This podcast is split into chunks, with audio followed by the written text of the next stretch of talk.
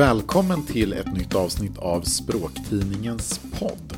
Hur ska man se på förkortningen MVH för med vänliga hälsningar? Hur är det med skillnad mellan tack vare och på grund av? Och när är det ett problem och när har man en problematik? Och hur är det egentligen med godfika? Hur ska man se på det ordet? Det där är några av de saker som vi ska prata om i det här avsnittet av Språktidningens podd. Jag heter Anders Svensson och jag är chefredaktör för Språktidningen. Dagens gäst är vår återkommande språkvårdsexpert. Välkommen tillbaka Lena Lind Palitski. Tack så mycket. Lena, du är lektor på Stockholms universitet, skriver språkkrönikor i Svenska Dagbladet och för en hel del av våra lyssnare och vår publik så är du säkert också känd som språkvårdare på Språkrådet där du jobbade ganska länge. Vi ska ta upp några klassiska språkriktighetsfrågor idag. Och eh, de här frågorna de är anmälningar från Språkpolisen. Det finns en liten flik på Språktidningens webb som heter just Språkpolisen. Och där kan man anmäla sånt som man reagerar på i språket. Och en del av de här anmälningarna de publicerar vi i tidningen. Och några av dem de ska vi ta upp här och diskutera och gemensamt är att det här är ganska vanliga språkriktighetsfrågor. Jag tänkte att vi skulle börja med någonting som, ja, men som rätt många reagerar på. Jag har plockat ut ett par anmälningar här som berör samma sak. Först är det Anna som skriver. Kan det vara så att många inte förstår skillnaden mellan problem och problematik? Och sen så har vi Lars som skriver. Jag stör mig på folk som säger problematik när de menar problem. En problematik är enligt SO, Svensk ordbok då, en grupp av sammanhängande problem.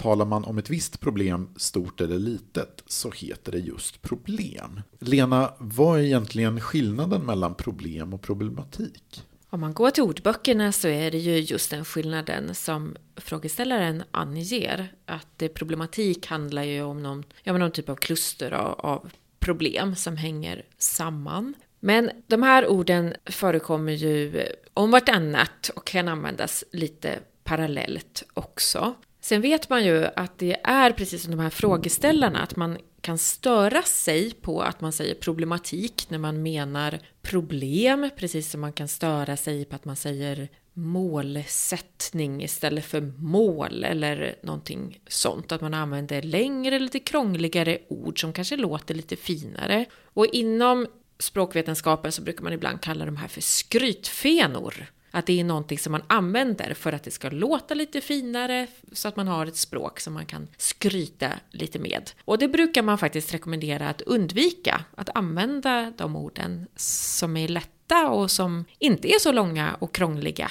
om det är så att de inte betyder någonting annat. Men ganska ofta så kan det ju finnas små nyansskillnader som också gör att det är motiverat att välja det ena framför andra. Så det kan vara som att om man beskriver någonting som är komplicerat, någonting som är ett eh, mångfacetterat skeende, då kanske, man, då kanske det är motiverat att skriva problematik. Medan om eh, problemet består i att eh, jag missade bussen och kommer komma för sent till jobbet, då är det kanske bättre att beskriva det som ett problem. Ja, det skulle jag inte beskriva som en problematik. En annan sak som som jag själv, eh, ja men den här känner jag igen mig i, det måste jag medge. Och jag har en närstående som, som friskt irriterar sig på det här. Den som skriver den här anmälan till språkpolisen det är Elsa. MVH skriver anhörig till mig i ett mejl. Jag blir lika illa berörd av det som när, någon kallar mig ni. Båda uttrycken är mycket gammaldags och jag känner mig personligt sårad när någon säger eller skriver så till mig. Det här MVH-förkortningen istället för att man skriver ut med vänlig hälsning eller med vänliga hälsningar. Den är ju rätt vanlig.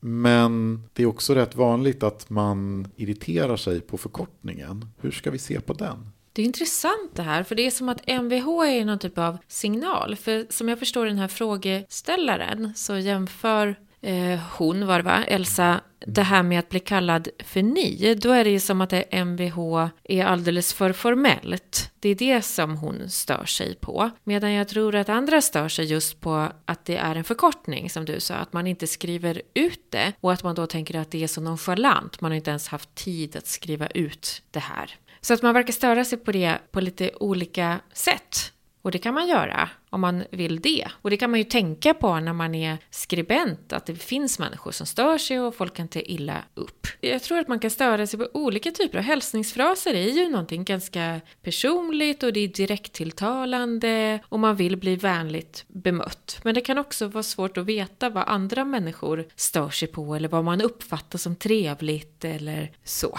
En anmälan här kommer från Lena. Jag tror inte att det är du, men det vet jag ju faktiskt inte. Men, men eh, det är en Lena som skriver och det här är ett ord som vi har sett i reklamen en hel del de senaste åren. Hon skriver så här. Ett uttryck som får mig på gränsen till att se rött är gofika. Ja, vem sjutton vill ha äckligt fika? Fika är fika och det är i allmänhet gott. Det här reklamordet gofika, är det onödigt? Jag skulle vilja ifrågasätta att det är ett reklamord. Jag som kommer från södra Norrland, jag är ju uppvuxen med det här. Det är ju ett dialektalt ord skulle jag säga. Godfika är ju fika med, med någon typ av kaffebröd till i min värld. Så är jag uppvuxen. Och sen tror jag att det, reklamen har liksom snappat upp det ordet. Så jag är inte alls säker. Nu får lyssnarna rätta mig om jag har fel. För så kan det mycket väl vara. Men jag tror att det är dialektalt och att man har snappat upp det i reklamen.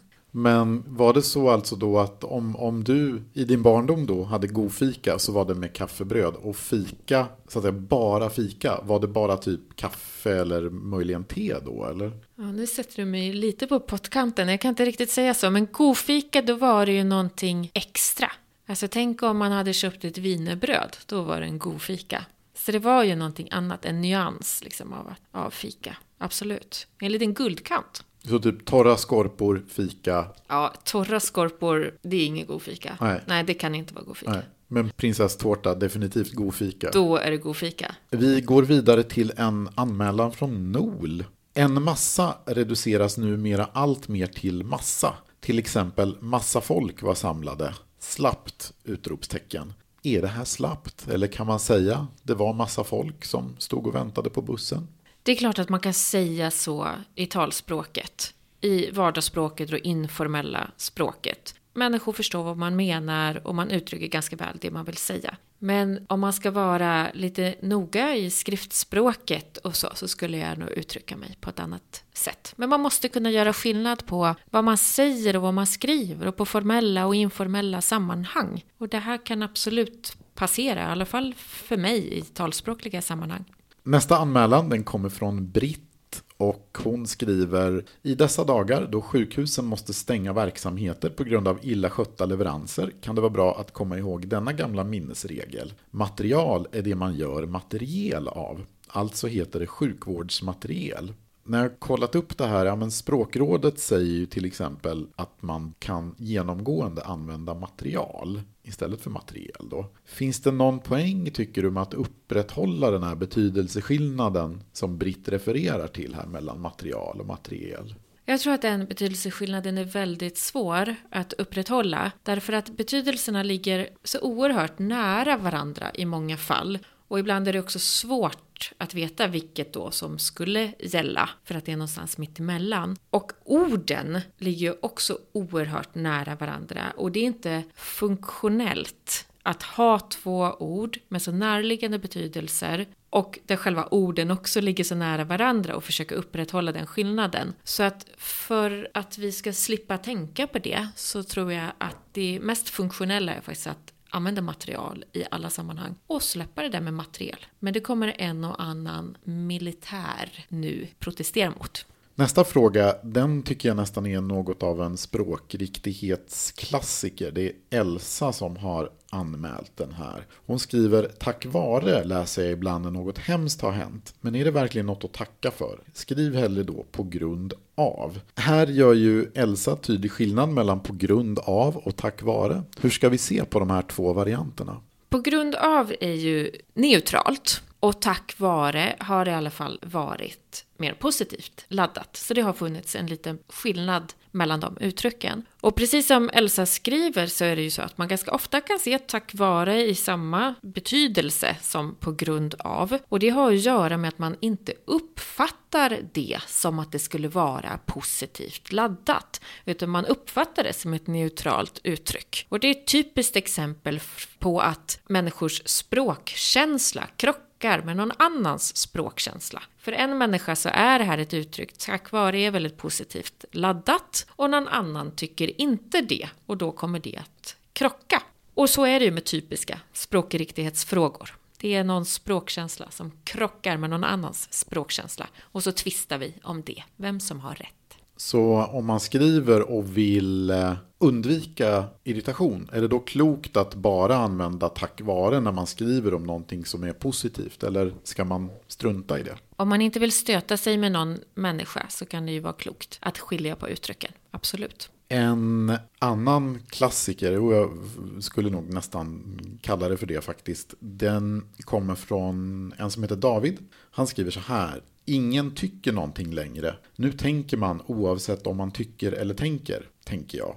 Den här användningen av tänker, den är ju väldigt vanlig. Man använder ju det ofta så att säga där man hade kunnat skriva tycker. Jag tänker att eh, Sverige borde vinna Melodifestivalen eller vad det nu kan vara. Fast man kanske snarare tycker det. Den här utbredda användningen som sagt, själv stör jag mig väl inte jättemycket på det här, men som sagt det är väldigt utbrett. Tänker jag fel, haha, som inte stör mig? Jag tycker snarare att man kan se det som att språket har fått en till nyans. Jag tycker inte att man uppfattar det på samma sätt om man säger jag tänker att vi borde vinna eller jag tycker att vi borde vinna. Det finns ju en större del av eh, osäkerhet i att säga att jag tänker. Det är ingenting som jag kanske har tänkt färdigt kring eller det är en del av en process som man uttrycker en osäker känsla eller eh, så. Medan man tycker så är det liksom en färdigpaketerad åsikt. Så. Och det finns en nyansskillnad mellan det här som jag tycker att man kan se som en resurs i språket, att man kan utnyttja. Ibland har man tänkt färdigt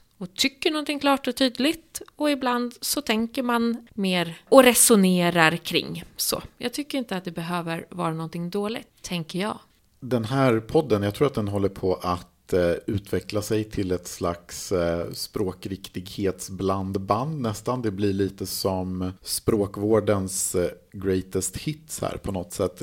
För nästa fråga, den lyder så här. Skribenter som har svårt att skilja mellan de och dem kan förslagsvis skriva dom. Det är helt okej okay att förenkla skriftspråket. Vad säger du Lena, är dom okej okay i skriftspråk? Jag tycker att om man har svårt med att skilja på de och dem och vet att det ofta blir fel, då finns det en stor vits med att gå över till dom. Därför att det är färre som stör sig på att man skriver dom än det är människor som stör sig på när det blir fel på det och dem.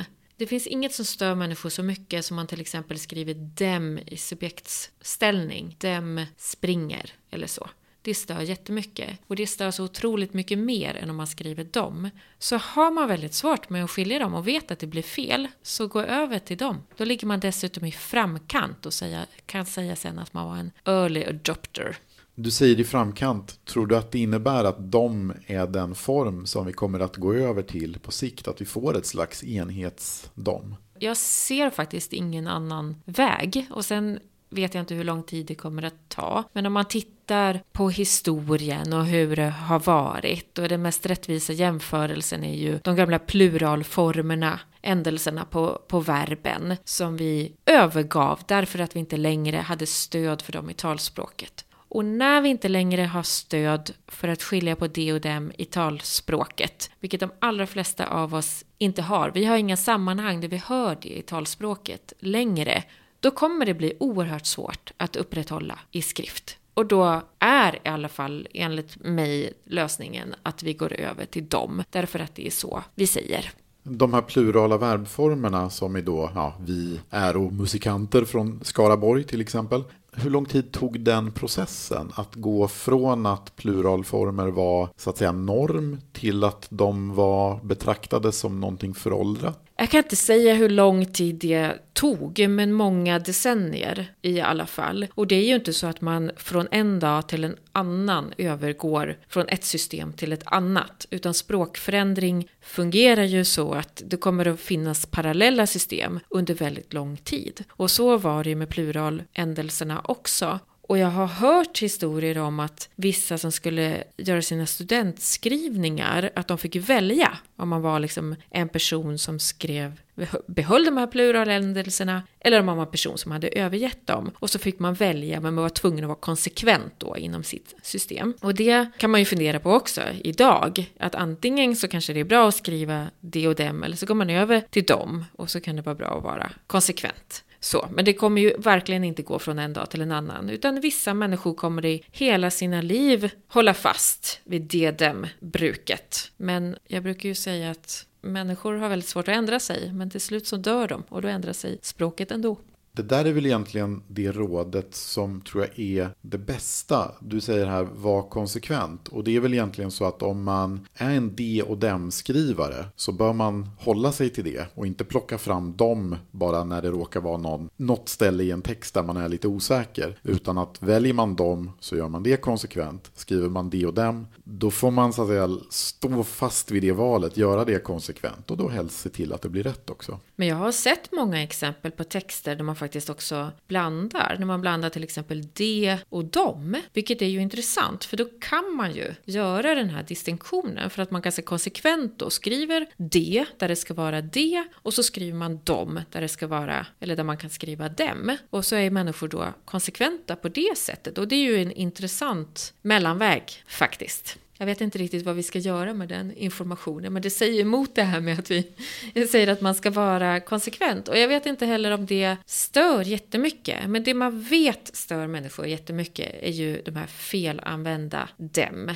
Undvik att skriva dem på fel ställen. Då är det mycket bättre att skriva dem. Vi har kommit fram till eh, den sista språkpolisanmälningen som vi ska ta upp i det här avsnittet. Det är Kristina som skriver. Tycker mig ha hört att allt fler säger munkavel istället för munkavle som det ju heter. Och jag var tvungen att kolla upp det här lite och så såg jag att i första utgåvan av Svenska Akademins ordlista från 1874 så finns bara en variant, munkavle, och stavat med F då. Det här var ju innan 1906 års stavningsreform. Och från och med SAOLs sjunde upplaga som kommer 1900 så har bägge formerna funnits, munkavle, munkavel. Hur kan något som varit accepterat så länge fortfarande, men åtminstone hos somliga, betraktas som fel?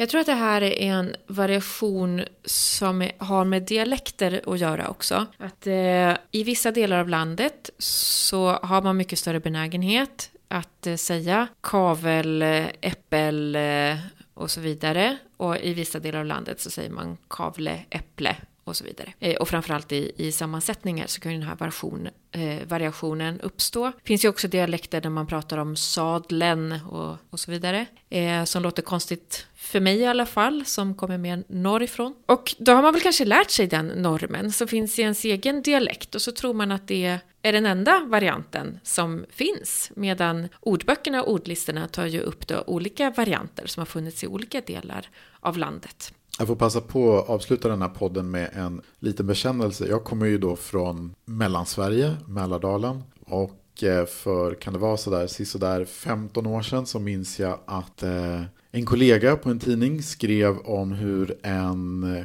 kommunanställd, en informatör, belagts med munkavel av eh, ledningen och jag tyckte så här, men det heter ju munkavle, skärp dig nu. Eller riktigt så sa jag inte, men jag ändrade det där. Eh, skribenten, min journalistkollega, kom Eh, från södra delen av landet. Så att det där mönstret stämmer ju verkligen in. Jag får säga, och jag hade ju inte kollat upp det här. Jag hade ju var slarvig och utgick från att just munkavle, någonstans hade jag väl fått för mig att det var det enda korrekta. Så att eh, Jakob, om du lyssnar på det här 15 år senare, jag hade fel, du hade precis lika rätt som jag. Lena, nu har jag bett om ursäkt till eh, Jakob här om ändå väldigt långt efteråt. Har du någon motsvarande situation? Har du så att säga rättat någonting som man egentligen inte skulle rättat? Ja, jag måste ju be om ursäkt till mina kalskronitiska vänner som säger sadlen och cykeln och, och sånt. Jag trodde ju, jag reagerade starkt kan man väl säga på när jag hörde det första gången.